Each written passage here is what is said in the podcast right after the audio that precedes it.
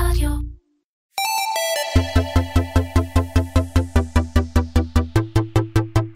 Commersation. מדברים על e-commerce עם תימור גורדון. והפעם עם איילת ונציה מישר, התבלינים של איילת. איילת ונציה מישר, אפשר להתפרנס בכבוד ממכירת תבלינים אונליין? התשובה הקצרה היא כן, ויש גם תשובה קצת יותר ארוכה. אז תכף נשמע עליה. אה, קצת עלייך, את אה, למדת תואר ראשון בניהול בתי מלון ב-NSU, משולב בבישול אה, בתדמור. עבדת ב Manpower ובנס, משם עברת לניהול מכירות בג'ון ברייס, אחר כך מנהלת תפעול והדרכה ברשת ארקפה, ומ-2012 מנהלת HR בכירה בטלדור. בין לבין עסק בקואוצ'ינג ובשיווק מ-2014. מי זוכר שהייתה פעם שנה כזאת? את בענייני התבלינים. נכון. וכמובן התבלינים של איילת, שתכף תסבירי לנו קצת יותר על מה אתם עושים. אבל לפני הכל, אי אפשר, זה אמנם מדיום דיגיטלי ומקשיבים לנו, you know, את יודעת, באוזניות או באוטו, אבל בכל זאת, נסי לתאר את היומיום הריחני והצבעוני שלך. וואי, זה כל כך משתנה ויצירתי, ואין יום אחד שדומה למשנהו. אה, צריך לזכור שהעסק הוא עסק משפחתי, זה אני וניסים קמים בבוקר, קפה ראשון של בוקר. ניסים הוא? ניסים הוא ניסים, כמובן. בעלי כן. ושותפי לחיים היקר. ולעסק, היקר מאוד.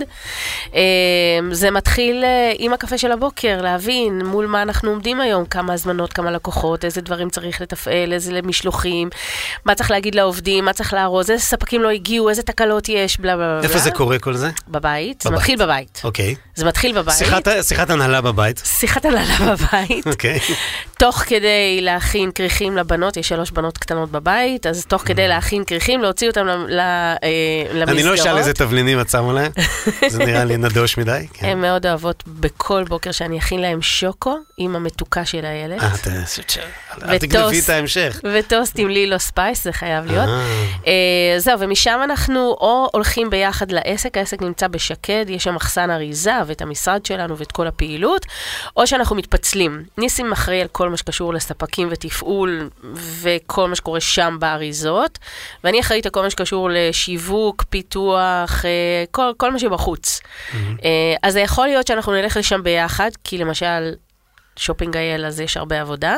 וזה יכול להיות שאנחנו נתפצל ואני אלך לבשל מתכונים ולצלם אותם ולחשוב על uh, תוכן ומידע שאני רוצה uh, לפתח ולהביא ללקוחות שלנו, ושיתופי פעולה ורעיונות ומוצרים חדשים ותערובות חדשות, אתה יודע, כזה. אני, את יודעת, זה בלתי נמנע, אבל כאילו, זה, זה, איך זה לעבוד אה, בני זוג ביחד בעסק יחסית אינטנסיבי אה, כזה? זה א', מאוד אינטנסיבי, וב', גם אה, זה אף פעם לא נגמר. זאת אומרת, אנחנו חוזרים הביתה, אוספים את הבנות מעל הראש שלהם, תוך כדי שאנחנו שומעים איך היה להם היום, אנחנו מדברים על עוד כמה דברים שצריך לטפל בהם, ואז אני יוצאת מהמקלחת ואני אומרת לו, תקשיב, יש לי איזה רעיון, חשבתי על איזה משהו, יש איזה תקלה, צריך לטפל בה. זה לא נגמר עד שאנחנו עוצמים עיניים בעצם.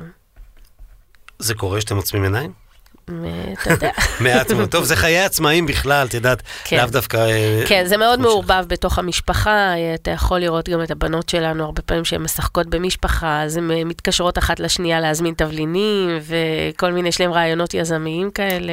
זה כיף, שכאילו זה נהיה ממש... אה, כן. כי, כי תבלינים זה עסק כל כך שמח. נכון. אני, אני מספר תמיד שבמצגות שלי, אבל בכלל מצגות שרוצים להראות חוויית קנייה, מה מראים? מראים את הדוכן תבלינים בשוק. זה כאילו נכון. הכי הכי, כאילו אין יותר מזה, ישר עולה הריח והצבעוניות, והרעשים והקולות שנלווים זה לזה. גם האתגר הגדול של העסק שלנו, כי נכון. תיקח את כל הערימות היפות והצבעוניות האלה, שאנשים אוהבים להריח ולראות, ותתרגם את זה לדיגיטל. זה... אז, אז נכון, ותכף גם אני אשאל אותך שאלה ספציפית על זה, אבל לפני את נגעת בצד התפעולי, כן. שהוא הליבה של כל אה, עסקי האי-קומרס. את נכון. יודעת, פעם חשבו שזה החנויות, היום כבר יודעים שזה התפעול, אה, בלי לפגוע בחשיבות החנות והחוויה בחנות, עדיין התפעול, שם הכסף. שם גם שביעות הרצון, ושם גם האכזבות והכישלונות לצערנו, נכון, נכון. וההתמודדות היומיומית. אה, תבלינים זה סוג של אה, מזון יבש, in a way. כן. והשאלה היא, אבל, אבל אין לך רק תבלינים, יש לך גם ממרחים. השאלה אם התפעול והשילוח דורשים איזשהו סוג של תנאים מיוחדים, a.k.a משרד הבריאות, אישורים, אה, ואיך אתם מתנהלים נגיד בעולם שאתם רוב השילוח, או לא רוב, חלק גדול מהשילוח מבוצע על ידי בוקסית. אז קודם כל אני אגיד שאנחנו מציעים גם בוקסית, לצורך העניין נקודות איסוף, זה לא רלוונטי בוקסית או נכון. חברה אחרת, אנחנו עובדים עם בוקסית, בחרנו לעבוד איתם, עשינו איזה פאוזה קטנה וחזרנו אליהם. אה, אבל אנחנו גם מציעים את השירות אה, של משלוחים עד הבית, זאת אומרת, זה גם אפשרי. קודם כל חשוב לי מאוד להדגיש שאנחנו חנות ולא מפעל יצרני. זה קצת משנה את, ה, אה, את ההתייחסות לדברים. אני מאוד מקפידה שכל מה שאנחנו מוכרים יהיה דברים שקל לשנע אותם ולא דורש שום תפעול מיוחד עבור זה. אז מצד אחד, חדרי הייצור שלנו, חדרי האחסון שלנו וחדרי האריזה הם חדרים מצוננים. אבל בגדול, בגלל שזה מוצר יבש, וגם ממרחים, לא ממרחים שדורשים קירור, אז אפשר להוביל אותם uh, למרכזי okay. אספקה ומרכזי הפצה, ומשם כמובן בחלוקה לחנויות. כן, למדנו שבגלל שזה מוצר יחסית רגיש, אז אנחנו עובדים עם החנויות של בוקסיט, אנחנו mm. לא עובדים עם לוקרים. איפה שיש מקררים. איפה שיש מחסן סגור, איפה שזה יותר מצונן, זה לא לוקר שנמצא בחוץ, בלי קשר גם לעניין התפעול של ה-48 שעות בלוקר לעומת חמישה ימים או שלושה ימים כן. בחנות, שזה גם מאוד משמעותי. Uh, אנחנו מאוד משקיעים בכל נושא האריזה, זאת אומרת, אנחנו ממש שמים גם אנרגיה וזמן ומחשבה, אבל גם כסף, בלהקפיד על כל נושא האריזה כדי שזה יגיע ללקוח כמה שיותר שלם. להגיד לך שזה קורה לנו ב-100% מהמקרים, לא. לצערנו יש... אה, כי את לא יכולה לפקח על כל נקודות ההפצה. אני לא יכולה לפקח לא על מה קורה בחברת המשלוחים, מה קורה במרכז הלוגיסטי שלהם. אנחנו משתמשים בהמון, אה, גם הקרטונים שלנו מאוד איכותיים, ואנחנו משתמשים בכל הכריות האלה ששמים, ואנחנו משתמשים בקופסאות שהן מאוד מאוד איכותיות, ועדיין קורה שבר, וזה מבאס לאללה. אבל אנחנו לוקחים את זה בחשבון. אנחנו מבינים שזה חלק מהעניין, אנחנו מתמחרים את זה כמובן גם בהתאם, זאת אומרת, חלק מהעניין של למה אנשים חושבים שחנות אונליין צריכה להיות יותר זולה מדברים אחרים, היא לא כי, כי אני צריכה לקחת בחשבון גם את הדברים האלה. אבל כן, ברגע שלקוח מתקשר ואומר, תקשיבי, קיבלתי את האבקת בצל שלי בקופסה שבורה, וזה לא משנה אם זה הכל יתפזר או טיפה יתפזר, הוא יקבל מיד משלוח חדש. בתור, ובאמת בהקשר הזה, בתור, בשביל להבין את הפרופורציות, אתם עסק e-commerce לא צעיר, זאת אומרת, יחסית לעסקי ה e-commerce בישראל. נכון, אנחנו שלוש שנים e-commerce. זה, זה המון, ובפרופורציות, נגיד בימים טובים, כמה, איזה כמות הזמנות אתם צריכים להכין? זאת, אה, בוא נגיד שחודש ממוצע שלנו מעל אלף הזמנות. שזה מכובד מאוד. אה, בין אלף לאלף חמש מאות הזמנות זה בחודש ממוצע. אה, ShoppingIL יותר? ShoppingIL ביומיים נכנס אוקיי. חודש וחצי. וואו. אז כן, זה הסדרי גודל. כן, זה הסדרי גודל. זאת אומרת, אנחנו באמת, אין לי בעיה להגיד את זה במספרים, כן. בשופינג אייל הוצאנו ביומיים מעל אלפיים הזמנות. יפה מאוד, וממוצע למזמין? 200 שקלים בערך, okay. אוקיי. סדר גודל 200, 200, סדר גודל של 200 שקלים, שזה יפה מאוד בתבלינים. וואו, כי יש שם גם ב-10 וב-20 בטח. נכון, נכון, כשמדובר כן. בתבלינים זה מאוד... אה, מה אנשים הכי אוהבים להזמין? אמ, לא פלפל מלח. קודם כל, אנשים מאוד אוהבים את התבלינים שלנו, את התערובות שלנו. את התערובות הייחודיות. את התערובות הייחודיות שלנו. אה, כל חודש אני מפרסמת, התחלתי את זה בתור איזושהי מסורת לפני כמה, לפני איזה שנה, משהו כזה. כל חודש הייתי מוציאה דוח, מה התערובות והתבלינים הכי נמכרים, והייתי אומרת לאנשים, אם אתם נכנסים לאתר ויש כזה שפע ואתם לא יודעים מה לבחור, תתחילו עם העשירייה הזאת. Mm. כי תדעו שכולם קונים את זה, אז זה כנראה מספיק שווה. אה, ויש לך כזה עדיין באתר. יש את ה top 10 הזה. כן, כן, ואז יום אחד מישהי אמרה, הלוואי וזה היה מישהי הגיבה לי לפוסט כזה, הייתי כותבת להם במקום הראשון, טוסקנה, במקום השני זה, במקום... יום אחד מישהי כתבה בהערה, הלוואי יום אחד תעשי מזה מוצר, ואז אני בלחיצת כפתור פשוט אקנה את כל העשירייה, ואני לא צריך להתלבט, והפכנו את זה למוצר. יום למחרת עלה לאוויר מוצר, שנקרא מומלצי החודש. זה כל העשירייה, כל חודש פחות או יותר זה... זה מתעדכן. זה מתעדכן, עדכונים כאלה קטנים, כן. זה לא הרבה זה. כשנכנס משהו חדש והוא פתאום פופולרי. כן, אה, כל פעם שאני מפרסמת תערובת חדשה, אנשים מתלהבים, ואני יכולה להגיד לך שההגמוניה בחודשים האחרונים שמורה לשני דברים. אוקיי. אחד זה... רגע, כן. אחד זה המלח המתובל שלנו. זה מלח... יש לכם כמה מלחים מתובלים. יש לנו כמה מלחים מתובלים, ויש אחד שהוא היה הראשון, שאיתו התחלנו את כל מסע המלחים המתובלים. יש פה עשבי טיבול, וזירי כוסברה, וזירי חרדל, ופפריקה וכמון, וזה. הוא שוס אמיתי במקום מלח רגיל, זה אחד. והשני, שהוא הפתעת המאה, אבקת בצל. זה בצל יבש, טחון, אין בו שום תוספות, שום תוספים, שום סוכרים, שום כלום, כלום, כלום, כלום. פשוט מייבשים בצל וטוחנים אותו? פשוט מייבשים בצל וטוחנים אותו, והדבר הזה זה כמו אבקת קסמים, ואנשים מאולפים עליו. חוץ ממרקים שאני יכול לנחש מה עוד שמים? ב... מה זה, בהכל שמים את זה, זה יכול להיות בתוך המסה של הקציצות, זה יכול להיות ברטבים. נניח אתה רוצה, למשל הבנות שלי לא אוהבות את החתיכות של הבצל, אבל אי אפשר משהו שהוא בלי טעם של בצל. אבל כל הכיף זה טק טק טק טק טק chop chop chop. בדיוק. אז, נניח אני עובדת עליהם בזה שאני שמה כפית של אבקת בצל. זה יכול לשמש כרביכה. זה, זה זה ממש מתנהג כמו רביכה במקום קמח. אז זה מתקשה כאילו בעצמו, גם אפשר לעשות משהו רק עם זה, או שהוא חייב להיות חלק מ... לא, הוא חייב להיות חלק. הוא חייב להיות מעניין. חלק, אבל למשל פופקורן עם אבקת בצל ומלח. שזה גאוני. זה זה נשמע מעולה. אבל אני חולה על קיצוץ בצל, כאילו, אני לא אני לא רואה את. זה לא יכול להיות תחליף בשבילי, זה יכול להיות אולי לא, תוספת. אבל אני רוצה להגיד לך שכשאורזים אצלנו בצל, במחסן אריזה שאורזים בצל, ואורזים כן. את זה במאות קופסאות, יש ריח של בצל מטוגן, וכל מה שבא לך זה רק לאכול. כן, זה נשמע מעולה. מה, והתחלת לתאר ולהעביר את התחושות, מה עוד מיוחד מההיבטים של e-commerce? אגב, את קונה אונליין? בטח. יופי. אז את יודעת מצוין על e-commerce, לא רק כן. מ- כמוכרת. מה עוד ייחודי לתחום הצבעוני הזה של תבלינים אונליין? תראה, קודם כל, אני חושבת שבאמת אחד הדברים המאוד משמעותיים זה לקחת אה, מוצר שנמצא all over, אתה יכול להשיג אותו בהישג יד במכולת מתחת לבית, בסופר, בחנויות טבע, בשווקים ובחנויות מתמחות, ולהפוך אותו ל- למוצר שהוא ייחודי לאונליין, שיגרום לאנשים לרצות לקנות דווקא אותו, ולא ל- ללכת למקום הקרוב והנגיש. אני חושבת שזה קודם כל דבר אחד מאוד מאוד ייחודי.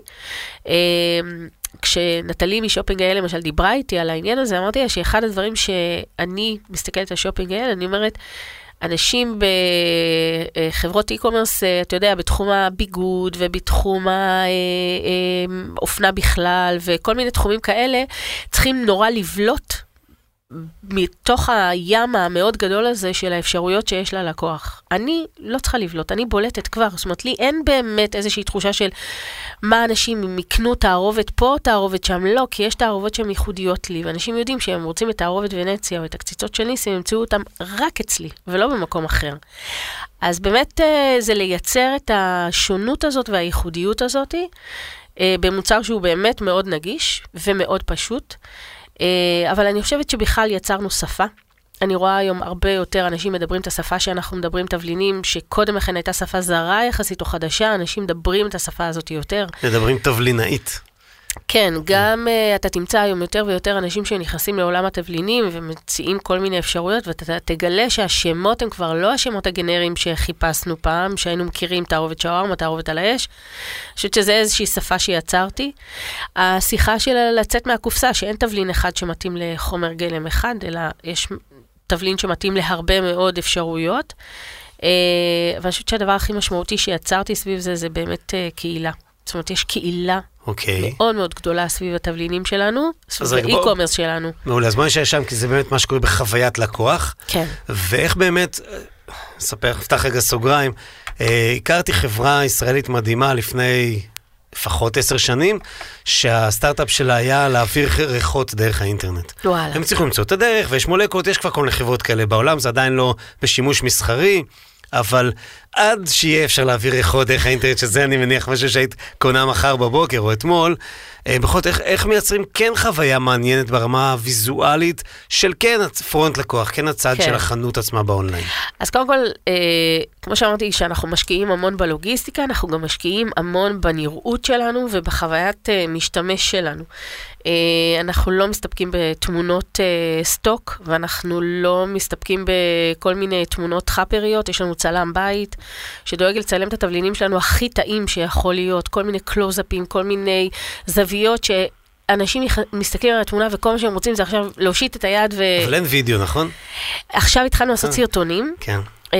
אז אה, אנחנו, אתה יודע, בונים, בונים. בונים את זה, On the לאט לאט. on the go. אה, אבל עכשיו למשל סרטונים, אז זה נותן לאנשים יותר המחשה של איך אנחנו משתמשים בתבלינים ובאיזה כמות, ואז אז המון משקיעים במדיה, זאת אומרת, המון משקיעים בוויזואליות של הדברים. אה, חוויית המשתמש באתר, אנחנו כל הזמן משתדרגים וכל הזמן אה, בודקים שזה יהיה קל, שזה יהיה נגיש, שזה יהיה נעים, שזה יהיה פשוט. אנחנו עכשיו בדיוק בתהליך שאנחנו רוצים לבנות אתר חדש. אוקיי. וכל אגב, את המחשבה- מרוצה, זה יושב על WooCommerce, נכון? כן. WordPress. מרוצה מהמערכת הזאת? זה משהו שתמשיכו איתה? זה משהו שאנחנו מתכננים להמשיך איתו, למרות שהיום מדברים הרבה על Shopify, אני לא יודעת להגיד מה... כן, יש אה, טרנד מעבר ל Shopify כשאתה גדל, מה שקרוי. זהו, אני לא יודעת, כי תמיד השופיפיי היה נשמע לי כמו משהו שאתה גדל ממנו לאו-קומרס, ואני כאילו לא, רואה זה הפוך. שזה קורה הפוך. כן. אז אני לא יודעת, אנחנו עכשיו בוחנים את האלטרנטיבות השונות, אבל אנחנו מבינים שהעסק שלנו צריך אה, כן. פלטפורמה הרבה יותר אה, חכמה ממה שהיא היום, והיא היום עושה... אה, פלאים. פלאים. לפי המספרים שאת מדברת, אין לו ספק. כן, אה, אז, אז כאילו למנף את זה. אה, אני חושבת שעוד דבר שאנחנו עושים זה משקיעים המון בוויזואליות של המוצרים עצמם. אה, שואלים אותי הרבה פעמים למה אנחנו לא עוברים לשקיות מתכלות ולמה אנחנו מהמם. לא זה. כי אחד הדברים שמרגשים אותנו זה, זה לפ- לראות. זה לראות, לקבל תמונות מלקוחות שאומרים, וואי, תראי את האר- את הארון תבלינים שלי, פתחתי את המקרר אצל השכן ופתאום אני רואה את כל הדלת מלאה בתבלינים שלך. יש משהו בוויזואליות הזאת שמרגש אנשים. אה, כל הזמן שלנו מגיעה עם טעימות. אנשים Mhm. מקבלים שתיים, שלוש טעימות של דברים שהם לא הזמינו. אז זה. עוד יותר פותח? את ה... כן, זה עוד יותר זה. אבל אני חושבת שהדבר הכי משמעותי זה השיח שאנחנו מייצרים. כשאני מספרת על תבלין, כשאני מספרת על תערובת, אני לא מספרת על הסגולות הרפואיות ועל כל הדברים האלה שאפשר למצוא בגוגל בזה. אני מספרת את הסיפור שעומד מאחורי הטעמים, שעומד מאחורי השמות, שעומד מאחורי מה אפשר להכין עם זה. אני מייצרת לאנשים חשק ועניין.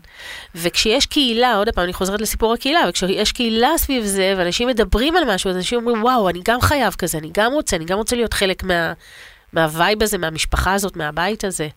בעצם אתם מייצרים סוג של לגאסי כזה, מורשת. כן. ואולי, יודעת, כפ- דילגנו זה בהתחלה, כי נגענו רק בצד המקצועי, ואולי כן שווה להזכיר במילה איך בעצם התחיל הסיפור שלך, וואי, זה... ההתאהבות בתבלינים, ואיך איך החיים לקחו אותך לשם.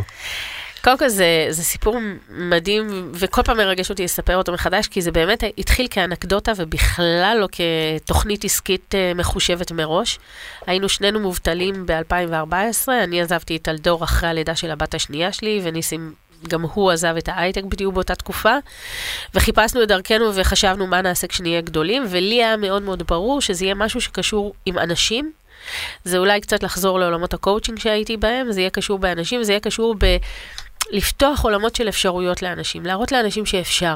יש המון בהיסטוריה האישית שלנו אה, אתגרים שהתמודדנו איתם של משהו שהיה נראה בלתי אפשרי והפך להיות אפשרי. אז כאילו היה משהו כזה שרציתי להעביר את זה הלאה. ואז הצטרפנו לקהילת הפליאו כי עשינו איזשהו שינוי תזונתי ונפתח שוק הפליאו הראשון, והוא היה פה ברמת השרון, והצטרפנו לשוק הראשון וזה היה מגניב לאללה לראות את האנשים מהאונליין עוברים ל offline.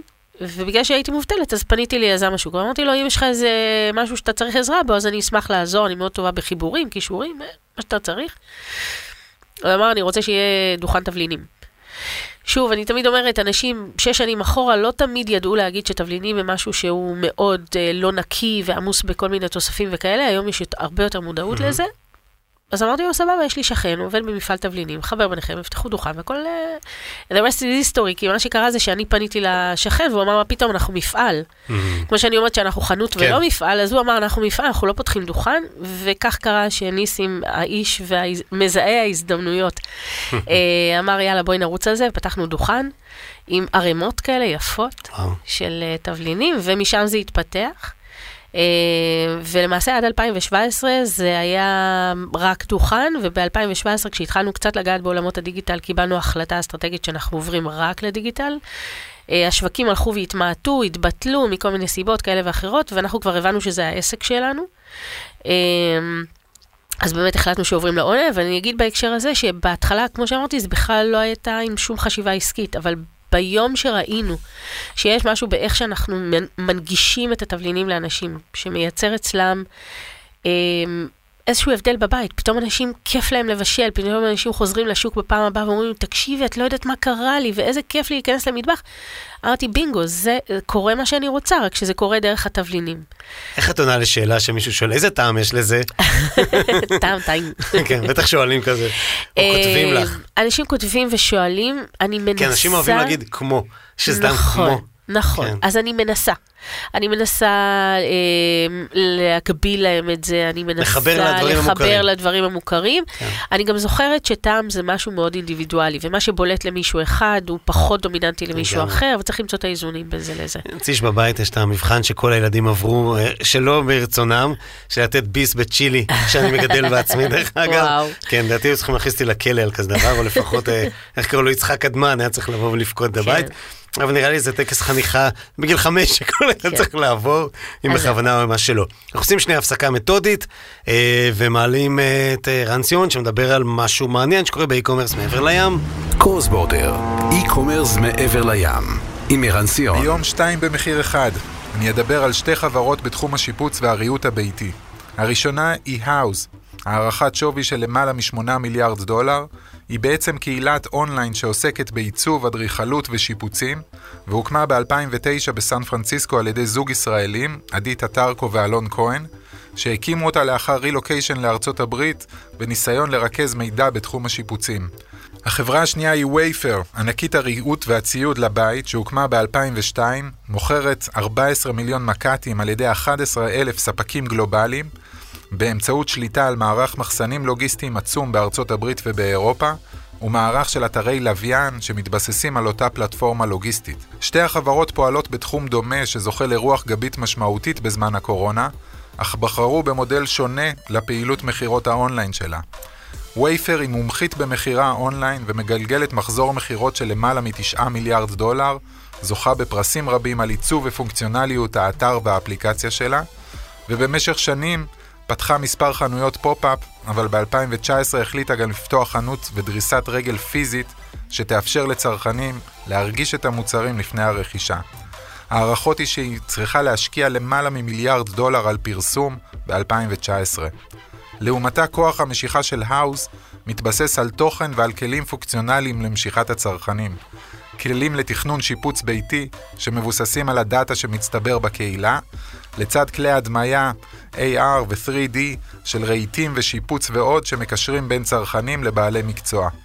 בשנת 2016 החברה השיקה marketplace על בסיס Shopify, שמאפשר למוכרים להשתמש בפלטפורמה שלה לצורך מכירה. המודל העסקי של החברה מבוסס על הכנסות מפרסום מוצרים ושירותים, ועל עמלה של 15% על המכירות שמתקיימות ב marketplace. זו חברה פרטית ואין מידע מהימן על מחזור המכירות שלה. קשה להעריך מי מהשתיים תצליח לאורך זמן. Houzz שמתבססת על קהילה, או Wayfair שמתבססת על ברזלים והצטיינות סחר ולוגיסטיקה.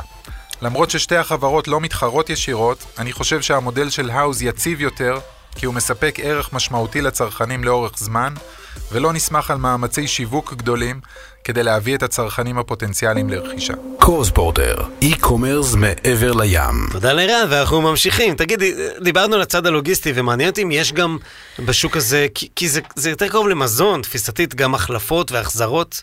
זאת אומרת, מישהו לא היה מרוצה, הוא יכול להחזיר, יש כזה דבר בכלל. לא, אי אפשר להחזיר, כי מדובר בסופו של דבר במזור, ואני לא יודעת מה הוא עבר בדרך ואיפה הוא היה אצל אותו לקוח, אז אי אפשר להחזיר, אבל אה, אפשר, אתה יודע, אם יש תקלה ומשהו הגיע פגום או לא כמו שצריך, אז כמובן שיש החלפה. אני כן יכולה להגיד לך שאחד הדברים שקרו לאחרונה בקהילה שלי, שזה מגניב לאללה, יש שוק החלפות. אוקיי. כן, אנשים ביניהם? מתלהבים. כן, אנשים מתלהבים, אומרים, הזמנתי לימון פרסי לבן, או הזמנתי את התערובת של ניר שמבוססת על לימון פרסי, ולא יודע, לא, לא התחברתי לטעם, לא התחברתי לזה. ומישהי אחרת אומרת, וואי, אני ממש אוהבת את זה, תביא לי. והם עושים, עושים ביניהם החלפות, אז זה מגניב לאללה. אז יש שוק כן. החלפות כן, אה, כן. קהילתי. דרך אגב, זה, זה גם קרה בימי העלייה של אסוס וכולי, שאנשים פחדו להחזיר, לא היה להם התעצלו, אז גם כן היו קהילות, החלפות. אז תראה, מה שקורה נקסט. של ההחזרה זה שבגלל שזה מזון, אני לא יכולה להחזיר את זה חזרה למדף. זה לא מוצר, יב- זה לא מוצר כן, כמו, כן. אתה יודע, נעליים או לבטל זה. מקסימום. אני יכולה מקסימום לבטל, לזכות, כן. אה, לתת סיכוי לזה. אני יכולה להגיד לך שלפעמים בגלל כל מיני תקלות בחברות משלוחים, קורה למשל שחבילה הלכה לאיבוד, ואז אנחנו... אה, צריכים להוציא חדשה, או היה איזה פגם באיזה חבילה ומחזירים לנו אותה, ואז יש לנו איזה שלוש, ארבע, חמש חבילות כאלה שמצטברות, ואז אחת לכמה זמן, למשל עכשיו, ב... לא מזמן, היה אירוע שעשו לחיילים בודדים שבאים מחו"ל להתנדב בצה"ל, גרעין צבר, אז יש חבר'ה שעושים להם אה, ארוחת בשרים, אז אנחנו למשל תורמים את התבלינים לשם. אז כן. כאילו תבלינים שחוזרים אלינו, ואנחנו לא יכולים למכור אותם, ואנחנו לא מוכרים אותם שוב. שהם כמובן מצב טוב וכולי. בוודאי, אנחנו- ניסים טועם. אז אנחנו תורמים אותם, תרמנו אותם למעון לנשים מוכות, תרמנו אותם לנוער בסיכון, כל מיני כאילו כאלה. תגידי, איך אה, אתם אה, מול המגמה העולמית שהולכת וגדלה של אה, מנויים? זאת אומרת, לעשות איזשהו מנוי תבלינים, זה משהו שהוא רלוונטי? זה משהו שבתוכניות שלנו בהחלט, ואנחנו כרגע חושבים איך לפתח את זה נכון. איזשהו דרך- בוקס שמגיע אליי פעם בחודש, פעם ברבעון? כן, אז, אז חלק מזה יהיה, חלק מהמחשבה זה באמת איזשהו box כזה שאתה יכול לקבל והוא יהיה מבוסס נושא נניח, ואופציה אחרת זה באמת דרך זה שאנחנו נלמד את הרגלי הצריכה של של הלקוחות שלנו, לייצר בדיוק. איזשהו מנוי שאנחנו יודעים כבר מה אתה קונה באופן עקבי כל חודש, ואנחנו פשוט נשלח לך... אתם אוספים את הדאטה הזאת? זאת אומרת, אתם יושבים עליה? אני יודע שעסק קטן, יש פחות זמן להתעסק בזה. אז קודם כל זה באמת עניין של זמן ותעדוף אה, משימות, אבל זה בהחלט, אני חושבת, משהו מאוד מאוד חשוב. אנחנו בימים אלה מכניסים לתוך, אפרופו טכנולוגיות וכאלה, באי-קומרס, אנחנו אה, מכניסים מערכת שפחות מוכרת בארץ, שנקראת מטרילו, אני חושבת שיש רק עסק אחד. ש... ספרי לנו על מטרינו. אה, יש רק עסק אחד שאני מכירה שמשתמש בה, זה בעצם מערכת שהיא היא לא ממש CRM, היא יותר סוג של BI. היא יודעת לנתח את המסע של הלקוח ב, ב, בחנות אונליין שלך, היא יודעת להגיד כמה פעמים הוא ביקר בחנות מהרגע שהוא, מהרגע שהוא הפך להיות לקוח, היא יודעת לשרשר אחורה ולהגיד כמה זמן, כמה פעמים הוא היה אצלך בחנות לפני שהוא אה, קנה, אה, דרך איפה הוא הגיע, הוא הגיע דרך איזשהו ערוץ, דרך איזשהו קופון, הוא הפך להיות לקוח חוזר בעקבות זה, מה הוא קונה, באיזה תדירות, זאת אומרת, ממש לנתח את כל הפעילות של חבר'ה הלקוחות. ישראלים? לא, זה חבר'ה אוקיי. הונגרים. הונגרים. הונגרים. עזוב, נו, מהפפריקה. כן. ובעצם אנחנו הולכים להטמיע את, המערכת הזאת כדי שהיא תיתן לנו בדיוק את הדברים האלה, שאנחנו נוכל להציע הצעות שיווקיות קונקרטיות, ספציפיות, מותאמות אישית לכל לקוח, ולא איזשהו משהו שהוא spread לכל נהדר, הרשת זאת אומרת. את תדעי מה העדפות קנייה שלי, כי את ראית המערכת, כן. ידעת מה קניתי כן. שלושת הפעמים האחרונות, whatever. נכון, ואנחנו נציע לך איזושהי תזכורת חודשית. אה, אני חושב שאנשים, הרי בסוף צורכים כן תבלינים באיזשהו סוג של אה, רוטציה, כן. וכן אה, יש משהו שכל כמה חודשים חוזר, תלוי כמובן כמה אתה נכון. מבשל. יש לזה מקום. עכשיו, ועולמות ה gift card, שגם כן מאוד אה, פופולריים בישראל. אז היום יש לנו איזה משהו שהוא לא פתרון דיגיטלי, ומאחר ואנחנו מאוד לא אוהבים פתרונות שהם לא דיגיטליים, אז אנחנו בקרוב כן. חלק כי יש מה- מתנות, נכון? יש אפשרות לקנות כמתנה ש... יש מארזי מתנה. או, בדיוק, זכרתי אה, משהו. יש גם מארזי מתנה שהם מארזים קטנים, שאנחנו מציעים כסוג של טעימות, וגם לפני כל חג אנחנו מציעים מארזי מתנה קצת יותר גדולים ומורכבים, ויש אפשרות להרכיב מארז מתנה. gift card עד היום לא היה לנו פתרון טכנולוגי, אבל אנחנו ממש על זה. כן, כל דבר שדורש מאיתנו לעשות ידני יעבור אה, אוטומטית טוב מאוד. לדיגיטל. אתם פוסלים על הסף, מה שקרוי. אנחנו משתדלים לא לעבוד קשה ידנית. כן, לא, זה בזבוז זמן. כאילו, גם לא כן. נשאר מזה כלום, אני כן, חושב. כן, אני חושבת שהדבר היחיד שאנחנו מתעקשים להשאיר ידנית זה את האריזה. אריזה כולל הכל, נכון? כן. זאת אומרת, גם המארזים וגם כן. השילוח. כן. מי חברת הפצה? אנחנו עובדים במשלוחים לנקודת איסוף עם בוקסיט. אוקיי, ואנחנו עובדים עם אה, חברה קטנה, שנקראת אוקיי. גל שליחויות, שהם אוקיי. עושים לנו את המשלוחים עד הבית. יופי. ורמת אה, שביעות רצון. יש כזה, יש להם אה, אה, מעקב, tracker, שאפשר לראות מתי אני מגיע וכולי, או שהם בשיטת אה, ה-SMSים? אז אה, בוקסיט יש להם tracker. אה, בוקסיט, אה, אני יודעת שיש המון תלונות בעולמות ה-e-commerce על בוקסיט. ברור. על כולם. יש, זה בסדר. על כולם יש. אני אגיד שספציפית לנו, לבוקסיט, יש לנו נציגת איש, אה, שירות אישית, אז אנחנו כאילו מקבלים שירות טיפה שונה, ואז אני באמת יכולה לדעת על כל בעיה של לקוח ולטפל בה בזמן אמת. אה, לגבי החברה השנייה, הם צומחים יחד איתנו. אה, זה הרבה דבר, זה הרבה פעמים קורה לספקים שמתחילים לעבוד איתנו, שהם צומחים יחד איתנו, אז אני מעריכה שיהיה להם בקרוב שירות כזה של מעקב. חברות הפצה בכלל עוברות תקופה מאוד מאתגרת, את יודעת, בבת אחת סקיילים שלא הכירו. אה, דיברנו על זה לא פעם, הנושא של הכשרת כוח אדם מקצועי, פתאום אתה לא יכול, אתה צריך לגייס מילואימניקים, אה, כי, כי זה מה שקורה, ולוקח זמן להכשיר אותם, ולכן יש הרבה מאוד פלטות שלא קרו פעם. אני, אני אגיד לך שעולם המשלוחים זה עולם uh, מאוד מורכב, ואתה כאילו אומר, אנחנו מדינה כזאת קטנה, איך בארצות הברית הם יודעים לתת מענה Hmm. כזה מהיר וכזה מקצועי, ואצלנו במדינה הקטנה הזאת לא מצליחים? יש לזה הרבה מאוד סוגיות.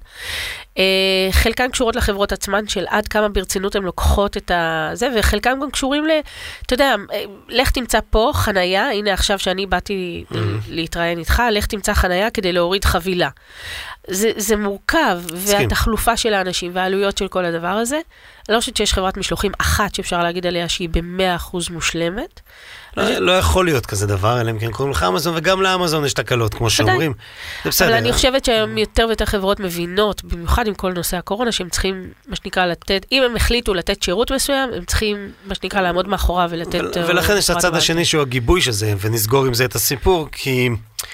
כי את הנושא הנקודה הזאת, כי, כי אתה צריך לדעת לפחות לעמוד מאחורי התקלות שלך ולפצות. ואני חושב שההפרדה פה, אם אני יכול לעשות הבחנה מסוימת בין חברות שלא יודעות לקחת אחריות על התקלות, נכון. לבין כאלה שלוקחות אחריות על התקלות. אז אני יכולה להגיד שבאמת החוויה שלנו עם בוקסיט היא כזאת שהם יודעים לקחת אחריות על התקלות שקורות לנו איתם, ויש לנו גם לא מעט תקלות, למשל עכשיו היה לנו תקלות איתם גם טכנולוגיות, והם יודעים לקחת אחריות ולתת מענה. מעולה. אה, מבחינתי זה, זה, זה הדרך שבה אני בוחרת את הספקים שאני עובדת איתם all over. זאת אומרת, ספק שיודע גם לקחת אחריות וגם לתת לי מענה בזמן אמת. זה... אני אשאל אותך שאלה מוורשאית, מתי את נחה? לא סתם אני שואל, כי כשאת נחה ומדמיינת לעצמך... אני לא יודעת לנוח. יופי. אז בישיבות ההנהלה שאת עושה עם אה, ניסים, אחרי שאתם הולכים את הקציצות, או קציצות של ניסים, נכון? זה אחד כן. אתם מדמיינים לעצמכם ומתכננים לאן העסק הזה יכול להתרחב, לאן הוא יכול לצמוח? איך הופכים אותו להרבה יותר גדול ומוצלח ממה שהוא עכשיו? תראה, זו סוגיה שתמיד מטרידה אותנו, כי הרבה יותר גדול זה אומר הרבה יותר תקורות, הרבה יותר כאב ראש, הרבה יותר זמן השקעה, ובסוף בנינו את העסק הזה כדי שיהיה לנו יותר זמן להיות עם הבנות ועם עצמנו, אז, אה, ולא להיות באיזשהו מרדף. אז זה תמיד איזשהו איזון שאנחנו צריכים לחפש אותו. אה, בדיוק צחקנו על זה אתמול בערב, ש... פעם לפני זה, שלוש שנים ישבנו עם איזה יועץ פיננסי, והוא אמר, כשאתם תגיעו לתקרה הזאת, אז אתם תהיו בסדר, ו- ואז אמרנו, אה, רגע, אבל עוד טיפה, ואז ניסי מצטרף לעסק, אז אמרנו, טוב, צריך עוד קצת, וכאילו כל פעם זה עולה. אמ, אני חושבת שאנחנו לא רוצים לגדול להיות איזשהו משהו מאוד עצום, אנחנו רוצים להגיע לאיזשהו בלנס שמפרנס אותנו בכבוד ואת המשפחות שאנחנו מפרנסים לצידנו. אה, יש לנו כל מיני רעיונות אה, איך להעמיק יותר את הקשר עם הלקוחות שלנו. לתת להם יותר ידע, יותר אה, זה, להגביר מה שנקרא את הייעול של, התפ... של התפעול שלנו ושל, ה... אה, ושל העבודה. אה, חו"ל קורצת לנו מאוד, mm-hmm. כי יש לנו לקוחות שם שכרגע אנחנו עוד לא יודעים לתת להם את המענה המיטבי, אז אנחנו כן מחפשים את הדרך. השירות של המנויים, זאת אומרת, זה באמת, זה, זה, הכוונה של ההתרחבות שלנו היא לא להפוך להיות איזשהו משהו ענק, mm-hmm. אלא זה באמת מצד אחד להגיע לעוד משפחות ולעוד אנשים שעוד לא הכירו אותנו, ויש לנו עוד לאן להגיע. כן, גם, גם uh, בזוס אמר פעם, לא רוצה משהו ענק, רק רוצה לעשות טוב את מה שאני עושה, ותראי לאן הוא הגיע. אז בגדול כן. ואם מחר תבוא איזושהי הפתעה, שטראוס, תנובה, שופרסל יבואו ויגידו, רוצים uh, לקנות, ל- ל- להשקיע, להיות חלק מזה, זה משהו שאתם יכולים uh, לדמיין, לשקול, איזה הנחה. כי צד אחד uh, בא לי להגיד ש- you never say never, כאילו אני לא יודעת, כשתהיה הצעה קונקרטית על השולחן, אז אני לא יודעת מה אני אגיד. צד שני, אני אגיד, זה הבייבי שלי, אני אף פעם לא ארצה, אף אחד לא יעשה את זה יותר טוב מאיתנו. Uh, אני לא יודעת, אתה יודע, אי אפשר לדעת. אני לא יודעת. מעולה, שאלה אני טוב. חושבת שבעולם של היזמות, כשאתה יזם, אז כשהייתי שכירה הייתי מסתכלת, מה יהיה בעוד חמש שנים, מה אני אעשה בעוד עשר שנים, איפה אני אהיה כשאני אהיה גדולה. אני חושבת שכשאתה יזם אתה מבין שמספיק שתחליט איפה אתה תהיה בעוד חודש, זה כבר הרבה. ולכן אני לא אשאל אותך את השאלה איפה תהיי בעוד עשר שנים, לא שאני. בדרך כלל שואל מי שנמצא פה. אני אגיד לך שאני כן יודעת שבעוד עשר שנים אני אשב בקוואלה, ביוון, בבית נופש שיהיה לי שם. מה מעבר לזה יהיה, אני לא יודעת. נבוא לבקר. בשמחה. טוב, איילת, תודה ששיתפת אותנו בעולם המרתק של אה, איך, איך עושים תבלינים אונליין, החנות שלכם באמת יוצאת דופן. מי שמקשיב ועדיין לא נכנס חייב לנסות את החוויה הזאת. ויש לי מין אה, נוהל כזה שאני מפעיל אותו מפעם לפעם, מה שקרוי בעברית קלוקלת, שזה שאלון אסוציאציות, והחלטתי איתך לעשות אותו דווקא משהו שונה. הוא לא על e-commerce, הוא לא על תפעול, הוא לא על לוגיסטיקה, הוא אפילו לא על ביזנס, הוא על תבלינים.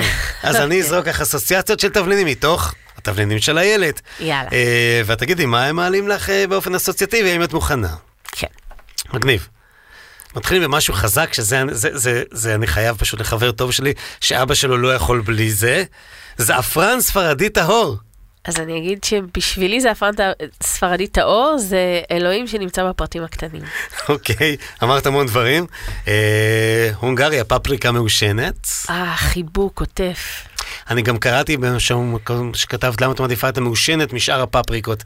כן, אנחנו גם, דרך אגב, בבית, אשתי התבלינאית הראשית, אני סתם סו-שף תבלינים במקרה הטוב, אבל כן, מעושנת תמיד ראשונה, והאחרות מסתדרות בשורה נכון. מאחוריה. יש בה משהו נורא מחבק ועוטף בפפריקה מעושנת. התבלין שרק מביני עניין מבינים כמה הוא חשוב, ראס אל חנות, ראס אל חנות, מה זה? טביעת אצבע. ומשהו שאני אוהב באופן אישי, כוכב הניס. וואי, כוכב הניס זה יופי, זה יופי. זה יופי מבפנים ומבחוץ. אתה יודע, יש לי כזה. אהה, אי אפשר, ל- היא הראתה לי עכשיו קעקוע עם כוכב הניס, אני, כן. כן, כנראה זה לא עבר דרך הרדיו, אבל אה, ננסה בתמונה לקחת את זה. אה, עוד משהו שאנחנו מאוד אוהבים, זירי כוסברה. וואו, זירי כוסברה זה מה שנקרא לעמוד על שלך. אוקיי, כי איפה את מוסיפה אותם? זרעי כוסברה יכול להיות בהרבה מקומות, זה יכול להיות בלהוסיף אותם תלויים בסוף של המרק או של איזה תבשיל עדשים, וזה יכול להיות בהתחלה של אה, דגים את, אה, ברוטב לשבת. יש בקטע של כוסברה, שאנשים, א', מתבלבלים בין זרעי כוסברה לעלי כוסברה, שהטעמים הם מאוד מאוד לא שונים. דומה. והדבר השני זה שבגלל הרתיעה שיש לאנשים בכוסברה, אז כאילו הם נרתעים מהטעם המדהים שלהם. ובשבילי מישהו שמתעקש על זה שבכל זאת יהיה זרעי כוסברה, זה מישהו שיודע לעמוד על שלו. אגב, גם זירי חרדל, בניואנס, הוא גם מביא, מקפיץ כמעט כל נכון, דבר. נכון, כן, שזה, נכון, נכון. שזה בכלל כזה למבינים. אה, עוד תבלין אהוב עליי, אגוז מוסקת. וואי. אגוז מוסקת יודע להפתיע. שמת אגוז מוסקת בקפה פעם? אני, טוב, אחרי שנסגור את המיקרופון נספר לך. אז לא הרבה אנשים יודעים שהיופי באגוז מוסקת זה שהוא יודע להפתיע לא רק בתבשילים, אלא גם במתכונים מתוקים וגם אפילו במשקאות חורף, עכשיו חורף. להוסיף איזה רבע כפית כזאת לקפה שחור של הבוקר, אז אני, משנה את החוויה. אפילו באספרסו, אני מחליט או שאני שם שליכטה של חווייג', או שאני שם אה, סיבוב של אגוז מוסקת. שבחווייג' יש בדרך כלל מוסקת. נכון, נכון, נכון, המוסקת. פשוט מתקתק אותו קצת יותר נכון, מאשר החווייג' נכון. שהוא... שהוא התבלין האהוב עליי מכולם. אה, הגענו לסומק הבלאדי. אה, סמק בלאדי, זה, זה, מה זה, זה לפתוח אושר של טעמים כזה, זה לפתוח את הלב. אני זוכר את הסומאק הראשון שלי, זה, זה עשה לי כל כך, הרגשתי אדום בכל מקום, כאילו. אה, ושתי שתי תערובות שמאוד מזוהות איתך, אחת היא המתוקה של הילד. זה היצירתיות שלי. מה עושים איתה? המתוקה של הילד, אנשים חש... ביקשו אותה כשהם, אה, אתה יודע, זה היה חורף שעבר, כל ה-pumpkin pies וכל הדברים האלה, ותביא לנו איזה משהו לעוגות. ואז אמרתי, אבל אה, אי אפשר שתערובת תהיה רק לעוגות, זה אף פעם לא עובד אצלי. והיופי במתוקה זה שהיא נעדרת בתבשילי קדרה. להוסיף אותה לחמין עכשיו של שבת, זה פשוט תענוג. היא משתלבת מצוין עם טלה, היא משתלבת מדהים עם כל מיני תבשילי אורז כאלה ארוכים. זה היופי המהמם שלה. מדהים. והתבלין האחרון אה, לפעם הזאת זה המפולפלת של הילד. המפולפלת של הילד זה מה שנקרא, אה, זה הקיק. אוקיי. זה, ה- זה ה- את? מה את יותר, המתוקה של הילד או המפולפלת של הילד? תלוי באיזה יום אתה פוגש אותי. ובאיזה רגע. המפולפלת זה פרשנות חדשה לפלפל שחור. זה כאילו לצאת מהקופסה. ול, אוקיי. ו, ולא צריך רק מלח פלפל, אפשר לקחת במקום פלפל את המפולפלת, שהיא הרבה יותר מפלפל, ואתה מקבל פתאום טעמים אחרים, אתה אומר, לא ידעתי שפלפל יכול להיות כל כך טעים. מדהים, ונעצור פה, כי זה בדיוק האנלוגיה למה שאת עושה באונליין שלך. זה בדיוק על לעשות את הדברים, אוקיי, כאילו, כמו שאמרת בהתחלה, לכולם יש ליד הבית את הדברים האלה, אבל לדעת להגיש את זה אחרת, ולארוז את זה אחרת, ולחשוב אחרת, ולתת חוויה אחרת, ובסוף גם שביעות, ר- לייצר שביעות רצון גבוהה, זאת האמנות של ה-e-commerce. כן, אני אגיד משהו קטן בהקשר הזה, שאנשים מסתכלים עליי, או בכלל על אונליין, ואומרים, אה, מה הבעיה למכור, ב... מה, אני, אני אפתח חנות אונליין, ואני... צריך להבין שכדי להצליח באונליין, צריך להשקיע הרבה מאוד זמן, אנרגיה, מחשבה וכסף. ואחד המקומות שבהם יזמים נופלים הרבה פעמים עם רעיונות טובים, או אפילו אם לקחת מוצר טוב ולהעביר אותו לאונליין, זה שבאחד הדברים הם לא משקיעים. או שהם משקיעים המון מחשבה, אבל הם לא מוכנים להשקיע את הכסף, ואנחנו משקיעים המון המון כסף בפעילות אונליין שלנו, או שהם משקיעים, מוכנים להשקיע את הכסף, אבל חסר השאר רוח על איך להפוך את זה למשהו שמאוד מיוחד ובולט בכל האוקיינוס הזה. אנחנו אומרים, אם הייתה נוסחה להצלחה, אז כנראה כולם היו מצליחים, אבל למזלנו אין, זה תלוי בהרבה מאוד מרכיבים, כמו שתיארת איילת, מהתבלינים של הילד. תודה שבאת, שיתפת, חלקת, גרמת לי הרבה, יש לי הרבה טעמים עכשיו וריחות שרצים כזה פה מסביב. אה, אז באמת מדהים, תודה רבה. תודה רבה לך. ועוד כמה תודות לכפיר ודרור מאדיו, של נציגי ספוטיפיי בישראל, וגם בכלל אה, כל תעשיית הפודקאסטים המסחרית, מי שרוצה לקנות, לפרסם, לעשות פודקאסט משלו, הם הכתובת, ולאלון, מאולפני ביזי, שהופך את קומרסיישן למה שהוא. אה, תודה שוב איילת, תודה, תימור. ונתראה בקומרסיישן הבא. קומרסיישן עם תימור גורדון. רדיו